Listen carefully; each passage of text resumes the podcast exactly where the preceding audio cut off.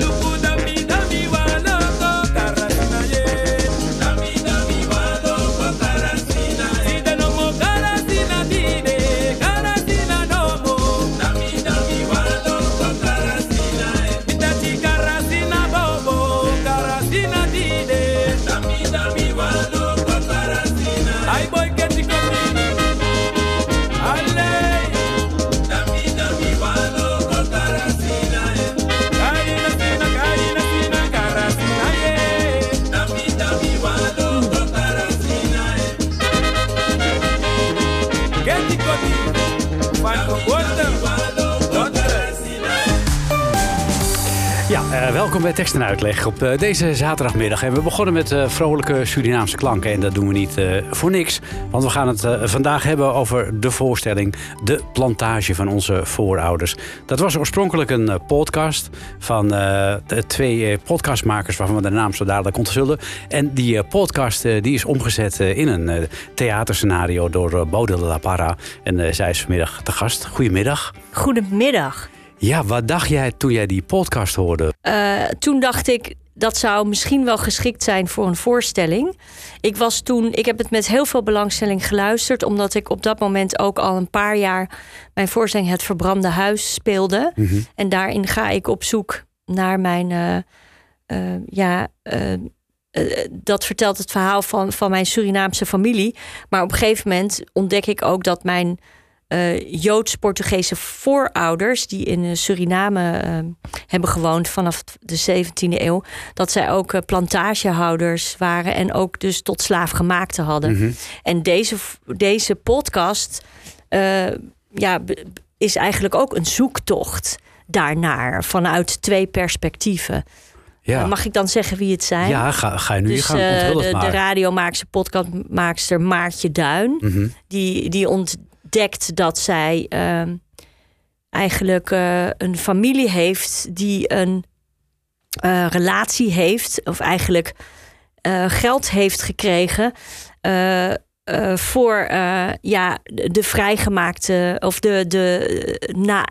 Nou, ik kom er even, even helemaal niet ja. uit. Maar in 1863, toen de slavernij werd afgeschaft, heeft haar familie een aandeel gehad in de uh, plantage Toulouse mhm. En zij gaat dan daarna op zoek uh, wie, wie eigenlijk, uh, ja, hoe, wie die familieleden mhm. eigenlijk zijn. Want zij heeft een adellijke familie.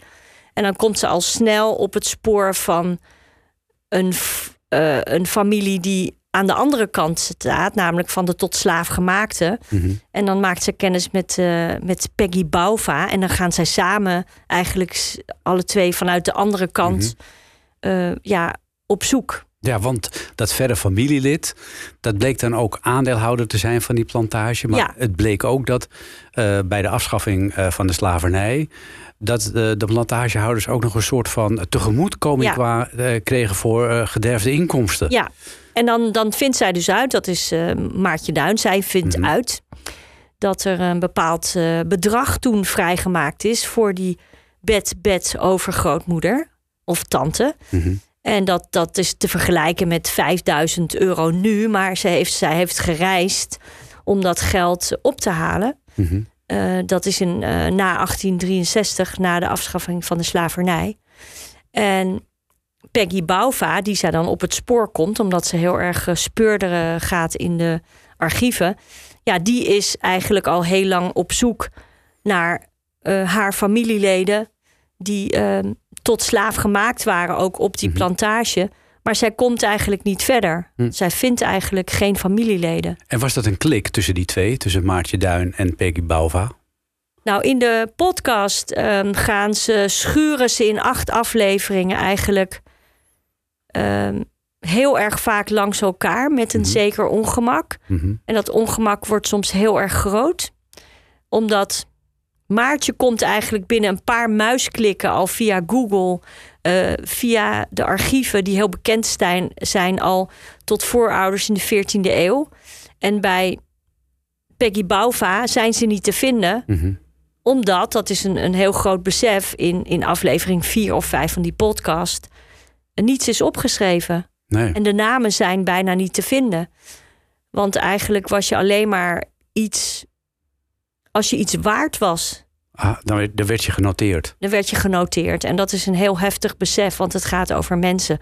En dat schuurt door die hele podcast heel pijnlijk. Het heeft misschien ook een beetje te maken met uh, de sociale status waarin beide verkeerden. Maartje Duin, ja. die uit een gegoede familie kwam. Ja, gegoede familie.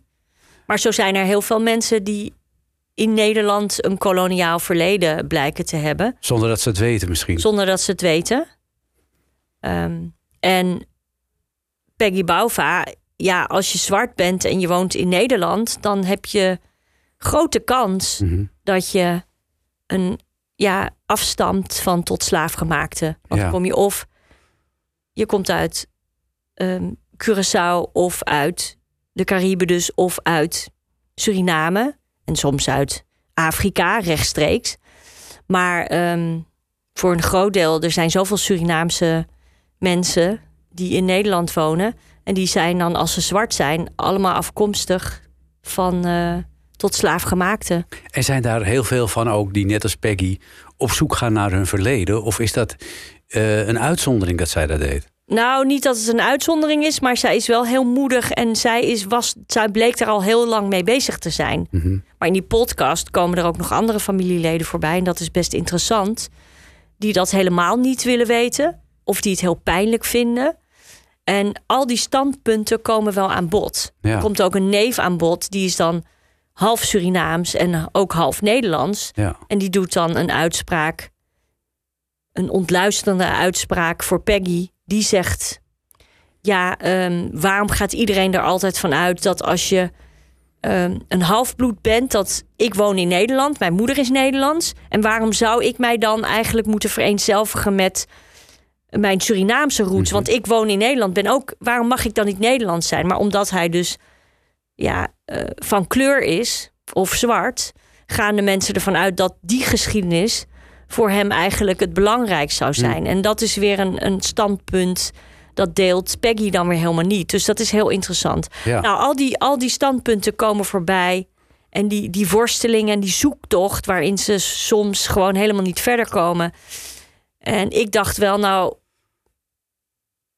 voor theater zou dat wel iets kunnen zijn. Mhm. Dat heb ik toen gedacht. En ik heb toen ook wel. Want je hebt hem al een hele tijd geleden gehoord, denk ik. Nou, hij is uitgekomen in 2020. Mhm. Lekker in coronatijd. Vlak voor in coronatijd. Dus ze konden allemaal luisteren. En ik had mijn voorstelling al gemaakt. Dus ik had die gedachten. Mhm. En toen begreep ik op een gegeven moment Maartje Duin ook ehm, bij Orkater was komen praten. Om te kijken of ze. Ze heeft letterlijk gezegd van nou, er zijn mensen die zeggen dat dit een toneelvoorstelling zou kunnen worden. Toen had ik dat zijdelings gehoord via Ge- Geert Laagveen, dat is ook mijn man. En ik zei ja, ik wil daar iets mee te maken hebben. Maar toen ging het weer voorbij. Hmm. En later ehm, kwam er een plek of een project viel uit. En toen is ehm Manouska, die heeft het ook geluisterd. En die dacht, Manouska ja, ik, Zegelaar Manouska Breveld. Zegelaar Breveld. Ja. Die dan ook heel duidelijk natuurlijk Peggy Bouwer zou kunnen spelen. En die zei toen van, ja, ik wil dit dan doen. En dat kwam dus samen dat ik zei, oké, ik wilde er ook graag iets mee te maken hebben. En ik ben nu eenmaal ook eh, behalve actrice ook theatermaker en toneelschrijver. Dus ik dacht nou misschien dat ik dat kan, dan kan bewerken. En En was het ook logisch dat jij gezien jouw eigen Surinaamse achtergrond dat zou doen? nou, niet dat het logisch is, maar ik wil die verhalen heel graag ook Mm. mee vertellen, op wat voor manier dan ook. Eh, en ik vond dit verhaal heel belangrijk. En ook dat je dus eh, ja, een Surinaamse en een Nederlandse, dus twee Nederlanders, maar Surinaamse Nederlandse en een Nederlands-Nederlandse vrouw kon hebben, die alle twee aan een bepaalde kant staan. Ik dacht dat is heel interessant. Dus om dat te bewerken, dat leek mij interessant. En dan zou Manouska erin spelen. En toen zijn we echt gaan praten met. Want, want Manouska zei, dan moet Geert het regisseren. Want eh, Manouska heeft met, met Geert ook al Wojski versus Wojski Ja. en de gliphoeven gemaakt. Dat wil zeggen, daar speelde zij in. Ja. Daar had ik textueel ook al een aandeel in. Dus toen was, het, was eigenlijk die afspraak snel gemaakt. En toen zijn we met z'n drieën gaan praten met Maartje Duin en Peggy Bouva. Mhm. En dat was een heel leuk gesprek waarin wij dus, ja, Peggy Bouva die had een hele musical in haar hoofd. dat was heel leuk, de dingen die ze erover zei. En toen gingen wij vertellen, nou, we zullen het waarschijnlijk alleen maar met twee actrices kunnen maken. En die spelen dan alle rollen, want er komen heel veel, pers eh, Ja. er komen heel veel figuren aan het woord in die podcast. Maar we wisten wel, omdat Orkater een muziektheatergezelschap is, dat ehm, er muziek moest komen. Dus we zouden dan ook met twee muzikanten willen werken. En dat hebben wij proberen uit te leggen aan Maartje en Peggy. Maar toch hebben ze, we ze omgekregen.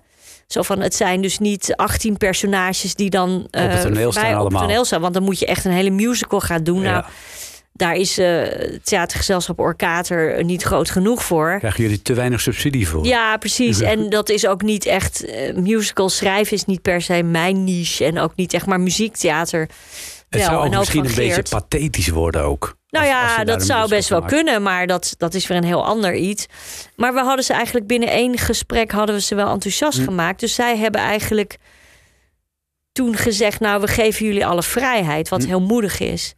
En toen moesten we nog eh, or- bij Or- Orkater dus echt dit project echt gaan lanceren. Van wij willen dit dan dus echt maken. En we hebben ook al de twee eh, podcastmaaksters zover. En toen werd iedereen best wel snel enthousiast. En werd het al bij de theaters aangeboden. Maar dat is, dat, daar gaat dus al jaren aan vooraf. Hè? Dat, was, dat gesprek wat wij hebben gehad was in 2021. Jeetje. En dan een half jaar later moet de voorstelling dan verkocht worden. Of misschien een paar maanden later. En daar is ook nog best wel. eh, dat was ook ne- helemaal niet zo makkelijk. Want waarom moet je een, een podcast die zo eh, eigenlijk best wel veel succes heeft? Want het, het werd Mhm. door heel veel mensen beluisterd. Waarom moet dat dan ook op toneel? Maar Ja, waarom Ik- moet dat? nou, ja, omdat zeker Manoushka en ik delen dat heel erg. En met Geert ook. Van wij willen deze verhalen gewoon vertellen. Mhm. Het leek ons ook interessant voor het maatschappelijk debat. maar het leek ons ook heel leuk voor twee actrices. En heel erg nou, leuk, eh, dankbaar. En je wil, je denkt als je dan van die verhalen hebt. Wij zagen het al, ja, ik zie het ook een beetje als mijn taak. En het heeft Manoushka eh, Zegelaar Breveld, weet ik ook zeker. eh, om dit soort verhalen wel te vertellen in, in, het, in het theaterlandschap van nu. En nu komt het uit dat dit natuurlijk ook het, het jaar is van de slavernij-excuses. Nu Mhm. komen er veel meer voorstellingen uit dit jaar. Wat eigenlijk alleen maar heel gaaf is. Want ja, ik ben ook al best wel lang bezig. En eh, mijn voorstelling Het Verbrande Huis kwam, kwam in 2018 uit. Dat ging over het Surinaamse geboortehuis van mijn Mhm. vader, wat afgebrand was. En daarin komt ook een stuk voor waarin ik dan beschrijf dat ik op bezoek ga op de, op de Jodensavanne. Dat is een oude plantage waar mijn eh, familie, de De La Parra's, van Joodse oorsprong eigenlijk ook planters blijken te zijn en ook tot slaaf gemaakt te hebben.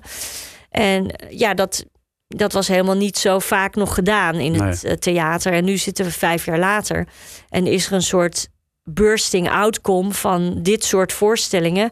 En dat juich ik eigenlijk alleen maar heel erg toe. Ja, jouw eigen halfzus, die vroet ook in het, haar Surinaamse Zeker, verleden, zeker. Nina. Mijn zus Nina doet dat ook. En dat, is, dat doet ze op, op haar manier. Dat is, dat is heel erg bijzonder. En dat, maar wat is gezien onze familie is dat helemaal niet zo gek. Maar het is overal eigenlijk nu eh, dat iedereen eigenlijk nu denkt van nou nu die verhalen vertellen. Mhm. Waar wij stiekem allemaal bang voor zijn is dat het dan daarna weer over is. Dus dat deze dat over verhalen dat jaar dus iedereen doodvalt. over twee jaar van ja, wat, wat moeten we deze verhalen nog vertellen? Terwijl er zijn hele prachtige verhalen. En vooral het besef dat hoe dan ook, ehm, als je in Nederland woont, zo ontzettend veel gebouwd is op slavernij, zonder dat mensen dat weten. Dus dat historische besef, Mhm.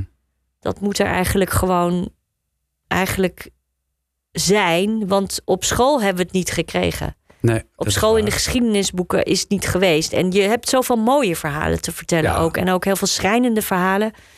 En het is nu eigenlijk het moment. Nou, dat moment moet eh, zo lang mogelijk eh, blijven duren natuurlijk. Het zou natuurlijk ook heel mooi zijn als de geschiedenisboekjes eens een keertje eh, veranderd werden op dat gebied natuurlijk. Ja, Want dat, dat schiet ook niet echt op. ja, dat weet ik. De stand daarvan weet ik niet. Maar door dit soort theatrale, dit soort verhalen te vellen- vertellen via het theater. Ja, dat, is dan, dat vind ik dan wel heel erg fijn om te doen. Nou, lang verhaal kort. We zitten nu in 2023 en de première is, eh, Is, net op geweest. 13 eh, oktober geweest. Ja. Ja. En eh, jullie hebben er prachtige muzikanten bij eh, gevonden ook. Twee. Fantastisch, ja. Ja, die zijn echt heel goed.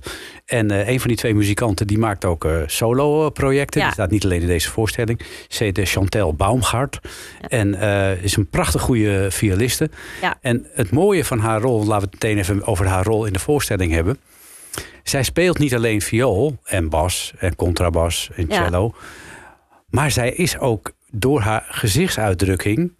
eh, is zij ook een soort eerste toeschouwer, vind ik. Zij sleept Ja, het is heel mee. mooi. Nou, dat is ook de verdienste van de regisseur Geert Laagveen. Trouwens, de, de, de de andere actrice is Malou Gorter. Ja, oh ja. Ook heel, dat moeten we niet vergeten, want die hebben we erbij gevraagd. Ja. En die sprong, eh, ja, dat, dat komt ook in de voorstelling voor. Die sprong eigenlijk een gat in de lucht. Die wilde heel graag meewerken met dit project. Mhm. Ehm, en die is eigenlijk ook doordat ze bij ACT, ehm, eh, dat is een soort eh, een vakgroep voor, voor acteurs, is ze eigenlijk bezig met bewustwording van ja. ehm, eh, zeg maar alle acteurs eh, aan het theater verbinden, ook acteurs van kleur, is zij, is, zij, is zij daar heel erg mee bezig om die dus in het theaterlandschap en in het filmlandschap te laten spreken. Dus zij vond het heel, ja, ze vond het te gek om hier aan mee te doen. Ja. En de muzikant, eh, de, de percussionist is Jari Vroom. En hij, hij is ook de componist. Oh, Oké, en wij gaan nu luisteren naar Chantel Boomgaard. Ja, En eh, van haar luisteren we naar het eh, nummer eh, Summer Love. wauw. Heeft niks met de voorstelling te maken.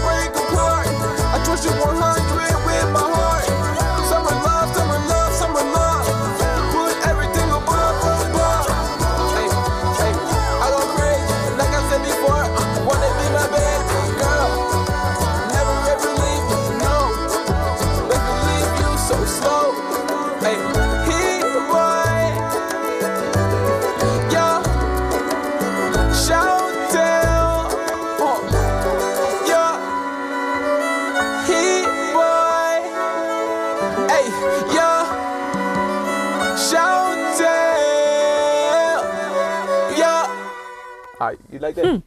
Chantel Baumgart was dat. eh. Summer Love. Ja, mooi hè? Wauw. Ja, en ze heeft Ja. nog eh, meer van die prachtig mooie nummers eh, opgenomen. Je moet maar op Spotify kijken. Chantel Baumgart. En eh, de- ze speelt eh, viool en eh, ja, ze maakt prachtig mooie composities. En ze staat dus ook in de voorstelling De eh, Plantage van onze voorouders van eh Orkater. Waarin eh, behalve zij eh, ook Malou Gorter en... Ja, ja. ja, Ja. Manoushka Zegelaar Breveld spelen. En, Pek- Jarief Vroom. Jarif Vroom, ja. Eh, prachtig mooie voorstelling. Eh Bodil de la Parra, jij bent hier omdat jij het script hebt geschreven van deze voorstelling. Ja. Hoe werk je een podcast om tot een toneelstuk? Ja, dat, is, ehm, dat was een hele klus. We wisten wel van tevoren, omdat we al gesprekken hadden gehad, eh Manouska, Geert en ik, en later ook met Malou erbij, dat we. Je kan zo'n podcast bewerken, Mhm. want er zit een heel verhaal en eh, ze komen ook tot een einde. Eh, het is heel veel tekst en de zoektocht was naar de namen van de, van de voorouders van Peggy en de voorouders van ehm, Maartje, eh, eh, Maartje. Dat was een hele zoektocht. En ook dat ze allemaal familieleden gingen bezoeken. Nou, dat was duidelijk dat dat erin moest komen. Maar wij wilden ook eigenlijk Manoushka Zegelaar Breveld en Malou Gorter als zichzelf op het toneel hebben. Die een bepaalde ontwikkeling moeten doormaken. En ook gesprekken hebben over hoe zit dat ook. dus er komt hoe een soort zit dat? tweede laag in. Ja, dus en de, de bedoeling daarvan was dat dat, ja, dat dat ook een ontwikkeling moest hebben, zodat je het eigenlijk in- het hier en nu ook vertelt. Want de ontwikkelingen gaan heel hard. Met wat je wel en niet kan zeggen, met de bewustwording. Ehm, ja, dat als je zwart bent in Nederland en je komt, bent van Surinaamse of Caribische afkomst, ja, dat je eigenlijk altijd een, een slavernijverleden hebt. En die bewustwording, eh, ja, die, die, die wordt wel steeds groter. En zeker bij eh, eh, personage Manoushka en Malou. En de gesprekken die zij live hadden, dus ook tijdens de repetities, die moesten ook nog voorkomen in het stuk. Dus ehm, daar heb ik een voorzet voor gegeven, maar dat heb ik ook nog bijgestuurd naar aanleiding van de repetities. En Ah. daarin zijn ze heel open. Ze zijn daarin heel open geweest. En dat was soms ook best wel moeilijk, denk ik. En ik ben er niet overal bij geweest, want ik, ben, ik moest ook een zekere afstand houden tot het materiaal wat ze dan nieuw zouden schrijven en aandienen. En dat was een hele grote uitdaging. Dat je denkt van. eh, maar de, de podcast bewerken en dan kijken wat moet je wel en wat moet je niet aan bod laten komen. Dat was best wel een helse klus. En toen dacht ik wel eens van waar ben ik eigenlijk aan begonnen? Ja, want je moet van al die mensen, Ja. ik denk dat het wel 18 of 20 personen zijn, Ja, moet je, eh, ja, die moet je woorden Ja. in de mond leggen, die eigenlijk weer regelrecht uit die podcast ja komen. er komen ooms en tantes aan, aan het woord. En ook van de. En dan, en dan komen ze elke keer weer bij elkaar. Eh, Peggy en, en Maartje. En dan hebben ze weer tegenslag. Dan vinden, zijn ze weer naar archieven geweest. En dan vinden ze niet wat ze zoeken. En dan willen ze het opgeven. Er zit een heel mooi. ehm, de moeder van eh, Maartje Duin, mevrouw Albertine Duin van Linden, die zit er ook in. En dat is eigenlijk bijna al een personage. Zij was ook op de première. Ik vind het een hele moedige vrouw. Ze is ontzettend aardig. Maar zij doet eigenlijk ook. Zij komt ook tot voortschrijdend inzicht. Hè, zij wil best wel. Zij vindt het best belangrijk. En zij vindt zichzelf ook best wel eh vrijgevochten en ruimdenkend. Maar zij vraagt van waarom moet dat allemaal opgerakeld Ja. worden? Mijn eh, eh, familiegeschiedenis. Ja, we zijn van adel. We hebben, van, we hebben nou heel veel bezit. Maar daar moet je niet al te veel van voorstellen, zegt ze dan. En ja, we- mijn voorouders hebben dingen gedaan. Waarom moet ik daar rekenschap van geven? Maar zegt ze ook van, ik woon ook maar gewoon in Ja, ik, ja, we komen ook nog maar van een twee onder één kap woning eh, uit Overschie. Daar ben jij ook opgegroeid, Maatje. Maar, die, maar Maatje die wil haar moeder eigenlijk gewoon wakker schudden. En dat lukt voor een deel. Maar dan elke keer zegt ze dan weer iets dat ze denkt... ja, waarom moet dat nou allemaal? En, die, en daarin zullen best wel veel mensen zich, denk ik, herkennen. En Malou Gorter speelt haar dus ook. En we hebben geprobeerd om haar wel eh, zoveel mogelijk recht aan te doen. Maar het is ook wel... Soms zijn de in theater moet je sommige personages ook wat meer uitlichten en eigenlijk wat meer ehm, ja, nou, ik zou zeggen karikaturaler maken. Je wil het eigenlijk niet. Maar ik denk dat heel veel mensen zich in mevrouw Albertine Duin zullen herkennen. Maar het is ook, zij zei zelf, nou, ik vind wel echt wel een klap in mijn gezicht hoor. Ik vind echt wel dat ik alsof ik in de spiegel kijk. En ik vind best wel dat ik er karikaturaal uitkom. Maar we hebben haar dan wel een beetje uitgelegd van ja, wat de functie daarvan is. En toch geven, proberen we haar zoveel mogelijk ehm, ja, nuance te geven. Maar je kan soms niet alles maar blijven Nee. nuanceren. Soms moeten ook. Eh, kijk, eh, Maartje en Peggy krijgen in de podcast eigenlijk geen enkel conflict. Mhm. En dat, dat gebeurt gewoon in het stuk wel. Want anders, voor een stuk heb je dat nodig. Maar of zouden ze dat niet hebben opgenomen? Dat vraag ik Ja, dat, hebben ook een beetje af. ze, dat hebben ze niet opgenomen. Of Mhm. dat hebben ze niet uitgezonden in ieder geval. Eh, maar in ieder geval zijn om de zoveel tijd... zowel Maartje als Peggy naar de repetities geweest... Mhm. bij doorlopen. En ze hebben eigenlijk bij alles hebben ze goedkeuring gegeven. En Maartje Duin is dramaturgisch heel erg goed. Mhm. En die heeft soms nog wat tips gegeven naar aanleiding van bepaalde doorlopen. Van ik vind eigenlijk dit of dat. En dan heb ik dat nog wel kunnen bijschaven. Ja. Eh, dat was heel nuttig. Maar ze, ze vonden het hele proces eigenlijk best wel leuk om te volgen. En dat, ja, daarin vind ik echt dat ze fantastisch waren. Want ze Ja. hebben ons geen strobreed in de weg gelegd En, eigenlijk. en hoe vonden zij dat ze zijn uitgebeeld door eh Manoushka en eh, door, ik wou bijna zeggen Merel. Ja, ja, nee, Malou nee. Gorter. Malou Gorter. Nou, Ja. dat zou ze eigenlijk zelf moeten vragen. Maar naar ons toe hebben ze, hebben ze het echt heel bijzonder gevonden. En ze hebben ons na de voorstelling ook wel... Na de première hebben ze ons ook echt wel bedankt. Mhm. En ze vinden dit allemaal ontzettend bijzonder. En misschien dat de podcast ook nog wel weer... Kijk, het leuke is dat iedereen kan nog... die de voorstelling ziet, kan daarna nog denken... nou ga ik die podcast nog luisteren. Ja, want daar komt waar. zoveel meer nog aan Er bod. zitten nog veel meer details in. Maar dat konden wij niet. Ja, dat kan gewoon niet, want het is 8,5 uur en de voorstelling duurt maar anderhalf uur. En Ja. er zit er ook nog een andere laag in van het hier en nu. Malou en eh Manoushka. Ja, want dat is ook, eh, dat is ook een mooi gegeven natuurlijk. Ja. Hè? Dat er op een gegeven moment een dialoog ontstaat... waarbij eh, Malou ook eh, Ja. kan zeggen... ja, sinds ik hoofdrollen speel, verdien ik gewoon meer. Ja, dan verklap je een beetje zo het einde van dat is dat, dat, dat klopt een beetje zo. We proberen dat eigenlijk heel eerlijk. ja, we proberen eigenlijk het naar het hier en nu te trekken. ehm, dat we eigenlijk met zo'n voorstelling als dit het gesprek openen. Maar we zijn er nog lang niet. Nee. Dat, zegt, dat zegt Manoushka ook heel duidelijk Ja. zij is er al heel lang mee bezig. Maar zij wordt elke keer geconfronteerd. En ook Chantel met... eh, ja, jij kijkt naar me in Nederland wonend... maar je ziet altijd dat ik zwart ben. En je Hmm. zal er toch... ehm, kijk je nou eigenlijk helemaal vrij naar mij? Mhm. Of... ehm, en, en handel je daar ook naar? Dat is een soort bewustwording. Ja, er zit ook, een mooie vraag ook in eh, van... Ja. eh, eh, heb, je, eh, heb, je, heb je er zelf wel eens bij stilgestaan hoe het is om wit te zijn? ja, Ja. Ook een mooie, ja. mooie omkering. Ja, ja.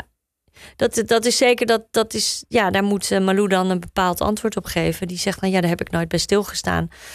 En dat op het moment dat je, ja, Malou en, ehm en Manoushka zijn ook voor de aanvang van deze voorstelling. Nou, toen was eigenlijk de tekst al voor een groot deel geschreven. Mhm. Maar zijn ze nog eh, naar Suriname geweest in, eh, in augustus. Ja. En dat, heeft, dat vond Malou ook heel bijzonder. Ja, dat kan ik me voorstellen. Ik denk Ja. ook wel dat het goed is dat je er geweest moet zijn om Ja. goed te doorvoelen eh, wat je eigenlijk speelt. Ja. Ja. Jee. Ik ga een stukje van een liedje laten horen. Hm. De woorden daarvan komen voor in de voorstelling. Maar in, in een andere context dan dat het hier gezongen wordt. Dat moet je zo even uitleggen. We gaan eerst even luisteren. Het is van Master Prado.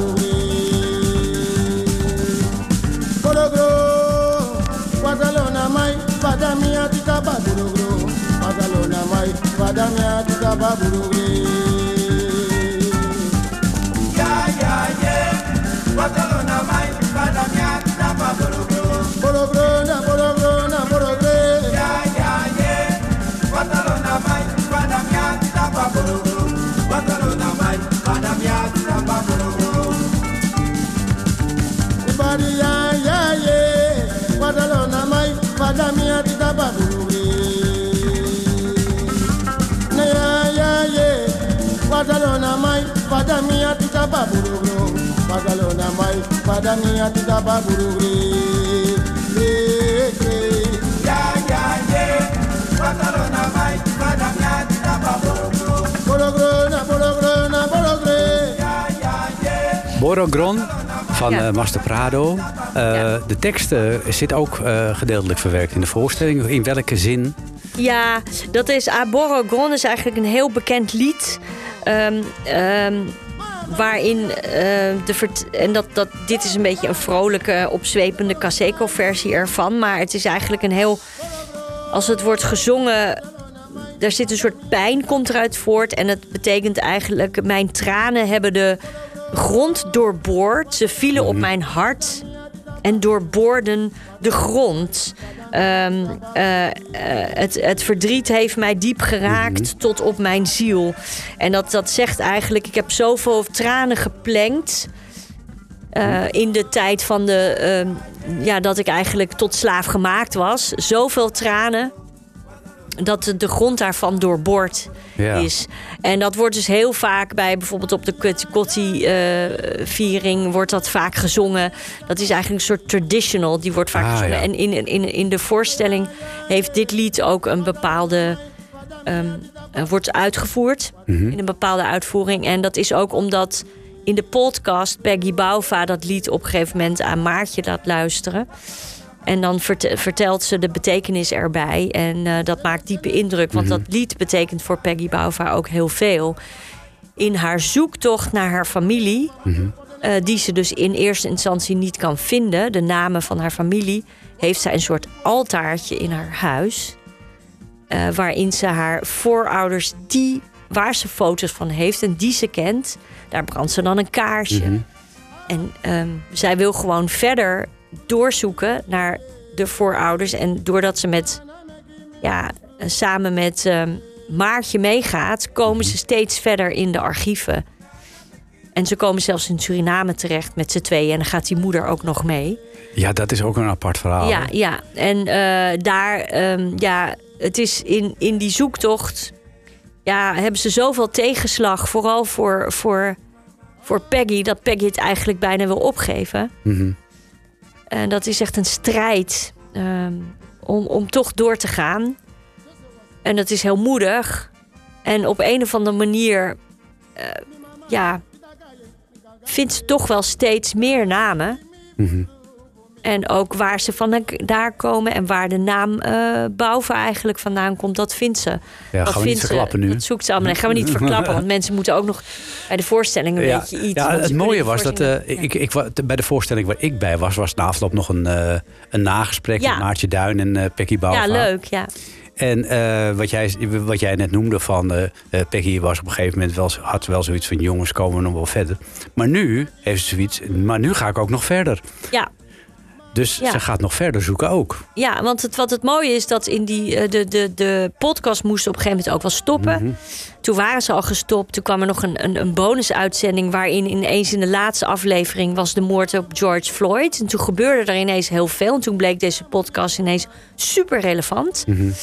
Ehm, en hebben heel veel mensen het geluisterd. Ze waren overal te gast ook. En deze voorstelling geeft weer aanleiding tot nagesprekken. Er is ook bij deze voorstelling door Orkater ook iets georganiseerd samen met Mercedes Zandwijken van de Kitty Kotti tafel. Er wordt bij iets van eh 15 voorstellingen ook van tevoren ga je naar het theater om daar een Kitty Kotti maaltijd te eten. En dan heb je eigenlijk ook een gesprek ehm, met iemand eh, waarin je dan ja ja ehm, waar een beetje de gewoonte dat dat is dat is ooit dat is ooit eh, verzonnen door Mercedes- Mercedes Zandwijken. En dan, dan kom je eigenlijk nader tot elka- elkaar. Ja. Dus er is eigenlijk altijd een wit persoon en een zwart persoon tegenover elkaar. En ehm, ja, die, die krijgen dan een soort, ehm, een soort eh, eh, traditie voorgeschoteld. En dan moeten ze elkaar verhalen vertellen.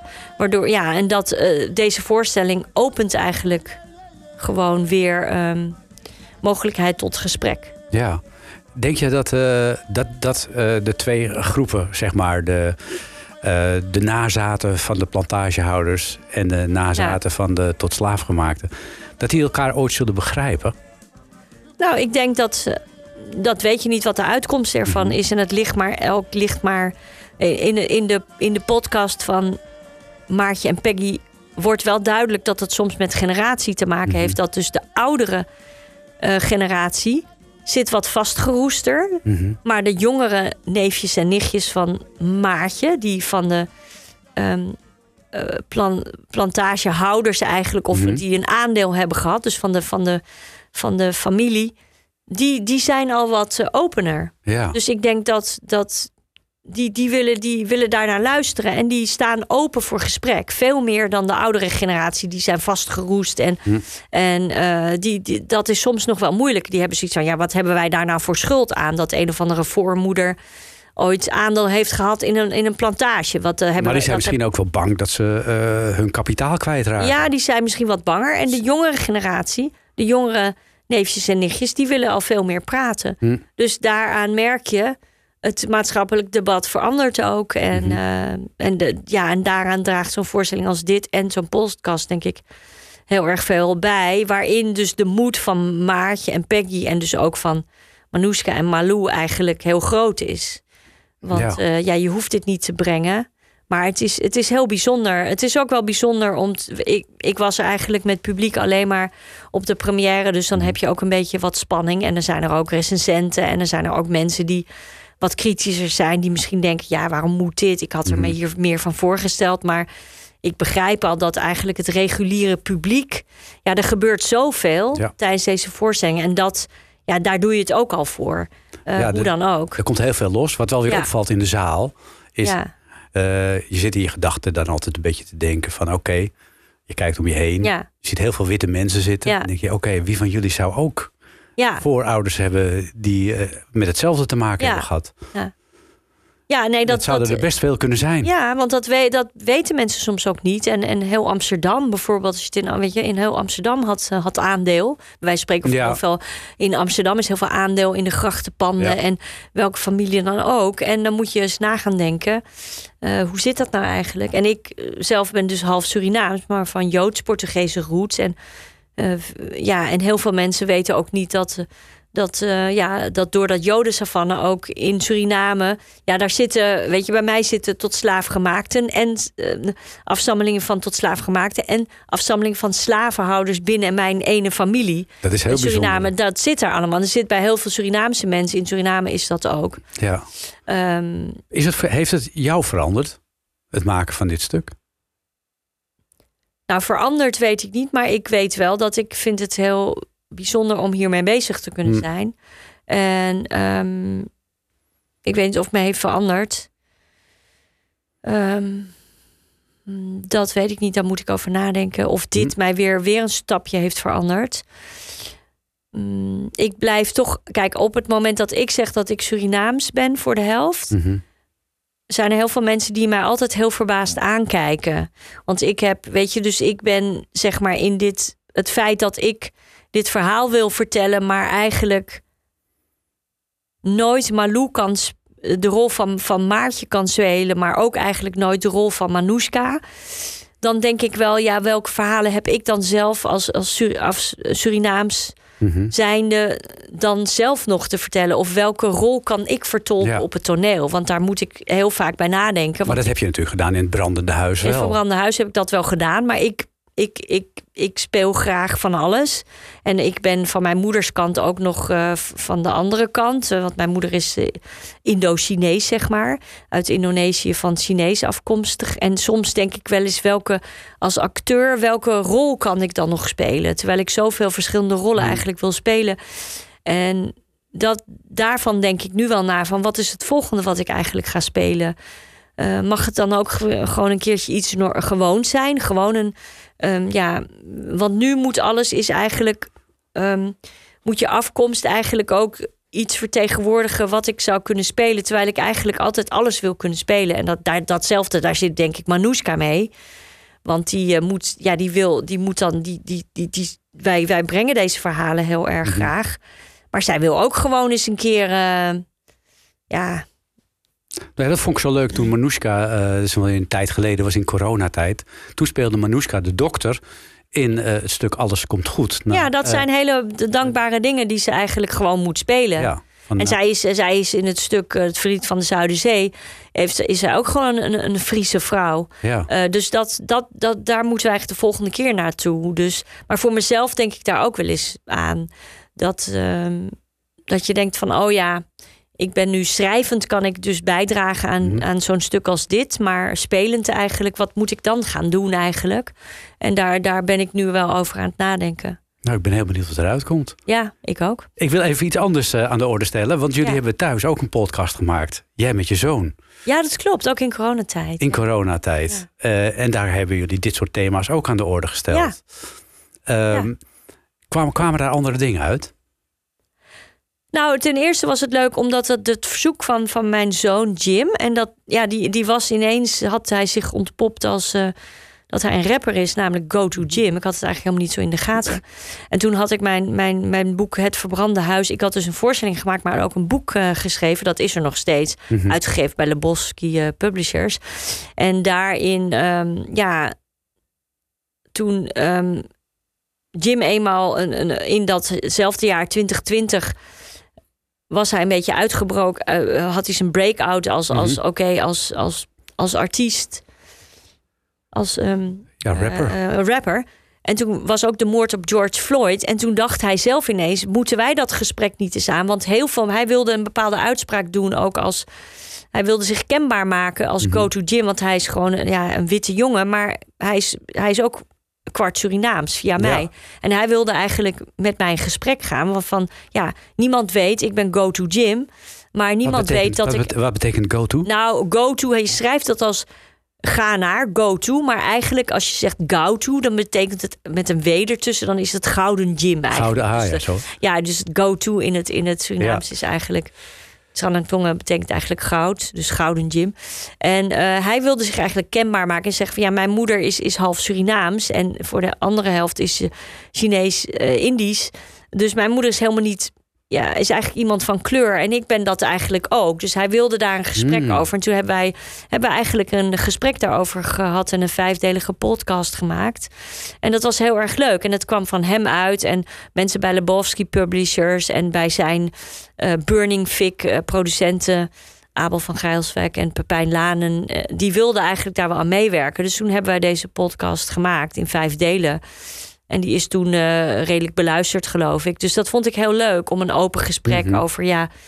ehm, ehm, hoe heb je me eigenlijk opgevoed en hoe heb je me eigenlijk heb je me wel bewust genoeg gemaakt en ehm, dat, is een aardige podcast. ehm, Kunnen we nog steeds naar luisteren? Ja, kun je nog steeds aan luisteren. Nou, moeten we Eh, zeker doen. Ja, we lopen een beetje aan het eind van de tijd, Ja. eh, Bodil. Ja. Eh, we moeten nog even de data noemen waarop de plantage van mijn voorouders te zien is. Onze voorouders, ja. Onze ja, voorouders. Ja. Ah. ja, die is bijvoorbeeld ja, in Noord-Holland. Ja, er zijn heel veel. Je kan natuurlijk altijd bij orkater.nl kijken. Maar er Mhm. is bijvoorbeeld eh, in Zaandam op 1 november. in Amstelveen op 2 november. In Alkmaar op 3 november.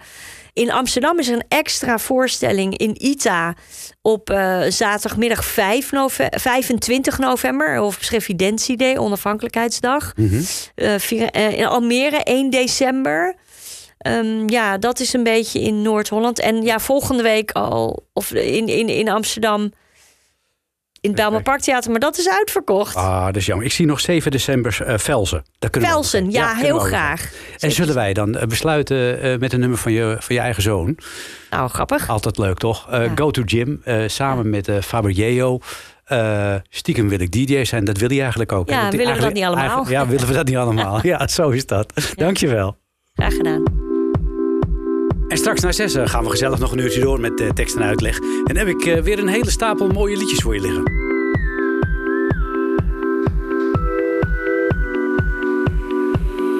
Ik word wakker in Berlijn, was met Swagboer en met IJsman, maar weet niet waar ze zijn. Ben vergeten wat je zei, iets met drugs en rode wijn, of iets anders ben het kwijt. Duitse Becky aan mijn zij, in het donker ze fijn, in het daglicht net een lijk. Op het Alexanderplein,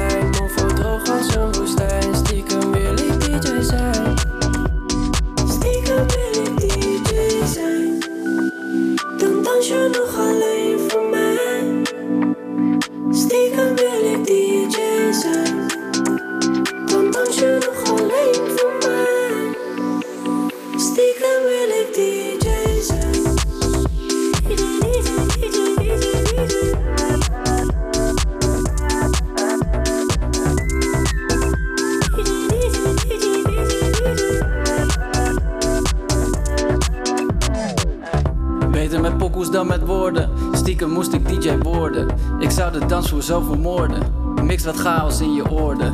Ik mix de sfeer in de nacht. Bloei op onder stobo. Iedereen wil op foto. Iedereen geef ik FOMO. Zou ik stiekem DJ zijn? Danste je alleen voor mij? Ben met Jimmy in Berlijn. Vissa fully op mijn brein. Ik ben krokie net de schnitzel, maar voel me groter dan de Beatles. We gaan vlammen fikken, wordt een vuurwerkshow. Pop een perky, wacht een uur, let's go.